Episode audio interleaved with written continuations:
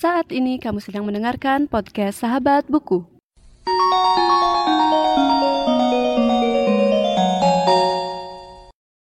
Halo semuanya dan selamat datang kembali di podcast Sahabat Buku.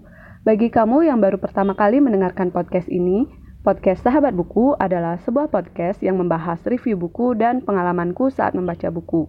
Di episode kali ini, aku ingin membahas sebuah buku berjudul Pulang karya Leila Eskudori yang diterbitkan oleh penerbit KPG atau Kepustakaan Populer Gramedia. Buku ini terbit pada tahun 2012 dan jumlah halamannya sekitar 476 halaman dan bergenre fiksi sejarah. Novel Pulang mengisahkan drama keluarga, cinta, persahabatan, dan pengkhianatan yang berlatar belakang peristiwa 30 September 1965 di Indonesia demonstrasi mahasiswa di Prancis tahun 1968, dan peristiwa Mei 1998. Dimas Suryo merupakan tokoh sentral dalam cerita ini. Ia merupakan seorang eksil politik yang bertemu dengan Vivienne Devereux, yang merupakan seorang mahasiswa Prancis yang ikut dalam demonstrasi untuk melawan pemerintah Prancis kala itu. Di sisi lain, Dimas Suryo mendapatkan kabar bahwa sahabatnya yang bernama Hananto Prawiro telah ditangkap oleh tentara dan dinyatakan tewas. Dimas merasakan kebimbangan dalam hatinya mengingat ia tidak bisa kembali ke Jakarta karena paspornya yang sudah ditahan oleh pemerintah Indonesia. Dan sebelum dia mendarat di Prancis, dia sudah berkelana di berbagai negara seperti Chili, Kuba, Peking, dan akhirnya sampai di Prancis, tepatnya di kota Paris, dan mendirikan sebuah restoran Indonesia yang diberi nama Restoran Tanah Air. Novel ini memiliki tiga bagian utama. Yang pertama adalah cerita-cerita yang diceritakan oleh Dimas Suryo. Yang kedua adalah cerita dari Lintang Utara. Dan bagian ketiga diceritakan oleh Segara Alam.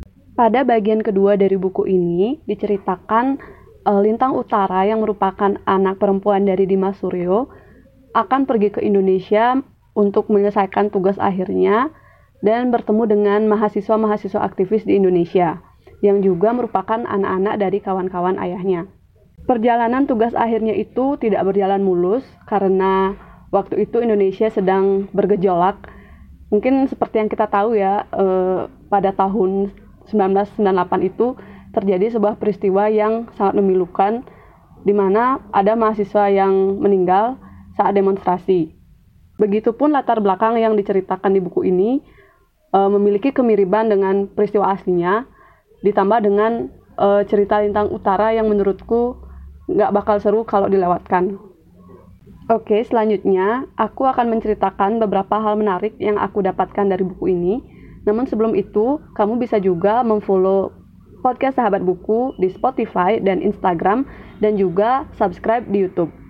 Oke, yang pertama adalah uh, latar belakang dari buku ini yaitu kejadian-kejadian kelam di sejarah Indonesia pada tahun 1965 dan 1998. Jadi kenapa menurut aku itu menarik? Karena aku sendiri suka belajar sejarah dan dengan membaca fiksi yang juga memiliki keterkaitan dengan sejarah, jadi rasanya kayak dekat aja walaupun aku tidak mengalami kedua peristiwa itu.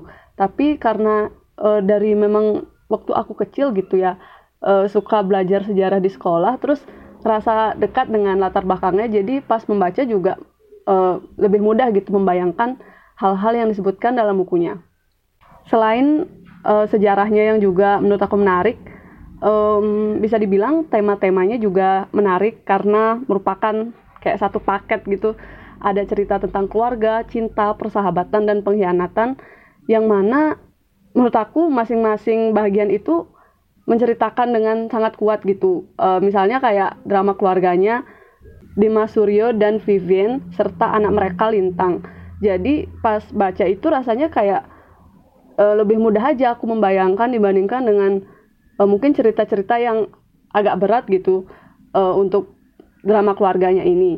Dan kisah cintanya juga bagaimana ya semacam membuat aku merasakan uh, lebih ke menebak-nebak gimana sih bakal kisah cinta yang disebutin dalam buku ini. Jadi pas aku baca itu kayak menerka-nerka ini bakal ke mana arahnya kayak gitu. Persahabatan yang ditunjukkan pun juga menurut aku kuat apalagi waktu demonstrasi dan bagaimana Lintang dibantu sama sahabat-sahabatnya yang bahkan dia baru tahu setelah uh, maksudku baru baru dia kenal saat dia ke Indonesia jadi pas bagian itu tuh kayak miris sedih dan terharu gitu waktu baca.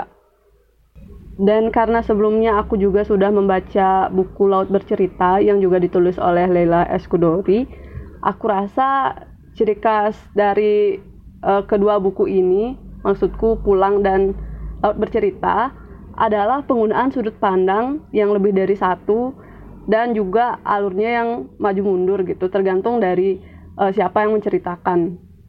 Dan ini menarik mengingat eh, masing-masing uh, porsi dari ketiga tokoh yang menjadi um, sudut pandang dalam buku ini juga menceritakan dengan sangat detail dan uh, saling melengkapi sih menurutku dari awalnya Dimas Suryo menceritakan bagian dari hidupnya dia terus bagaimana Lintang bercerita dia uh, menjalankan tugas uh, maksudku menyelesaikan tugas akhir di Jakarta dan selanjutnya tentang uh, cerita dari segala alam. Dan bisa dibilang permainan alur dari ketiga tokohnya ini juga uh, membuat teka-teki gitu dari awal uh, Dimas Suryo menceritakan tentang bagaimana latar belakangnya dia sampai bisa di Prancis, bagaimana uh, perjalanan uh, dan aktivitasnya dia bersama kawan-kawan aktivisnya. Dan lalu itu um, ada juga diceritakan di bagian lintang utara dengan kawan-kawannya saat dia menyelesaikan tugas akhir dan mengalami peristiwa yang mungkin bisa dibilang semacam cukup mengerikan juga karena um, ya ada peristiwa yang menyebabkan tugas akhirnya bisa terhambat gitu. Oke, mungkin ini yang terakhir. Um, bisa dibilang buku ini memiliki banyak sekali tokoh dan itu membuatku agak kesulitan untuk mengingat tokoh-tokohnya, kecuali mungkin tokoh-tokoh utamanya. Tapi walaupun begitu, cerita ini uh, menarik banget untuk dibaca dan mungkin untuk yang belum membaca Pulang dan Laut Bercerita, aku rasa lebih baik membaca buku Pulang terlebih dahulu, baru melanjutkan ke buku Laut Bercerita. Ya walaupun sebenarnya bukan sequel, tapi kok dari segi sejarahnya uh, lebih runut gitu kalau dibaca berurutan. Mungkin sekian dulu untuk pembahasan buku Pulang karya Lela S. Kudori. Dan untuk kurang lebihnya aku mohon maaf dan sampai jumpa di episode selanjutnya.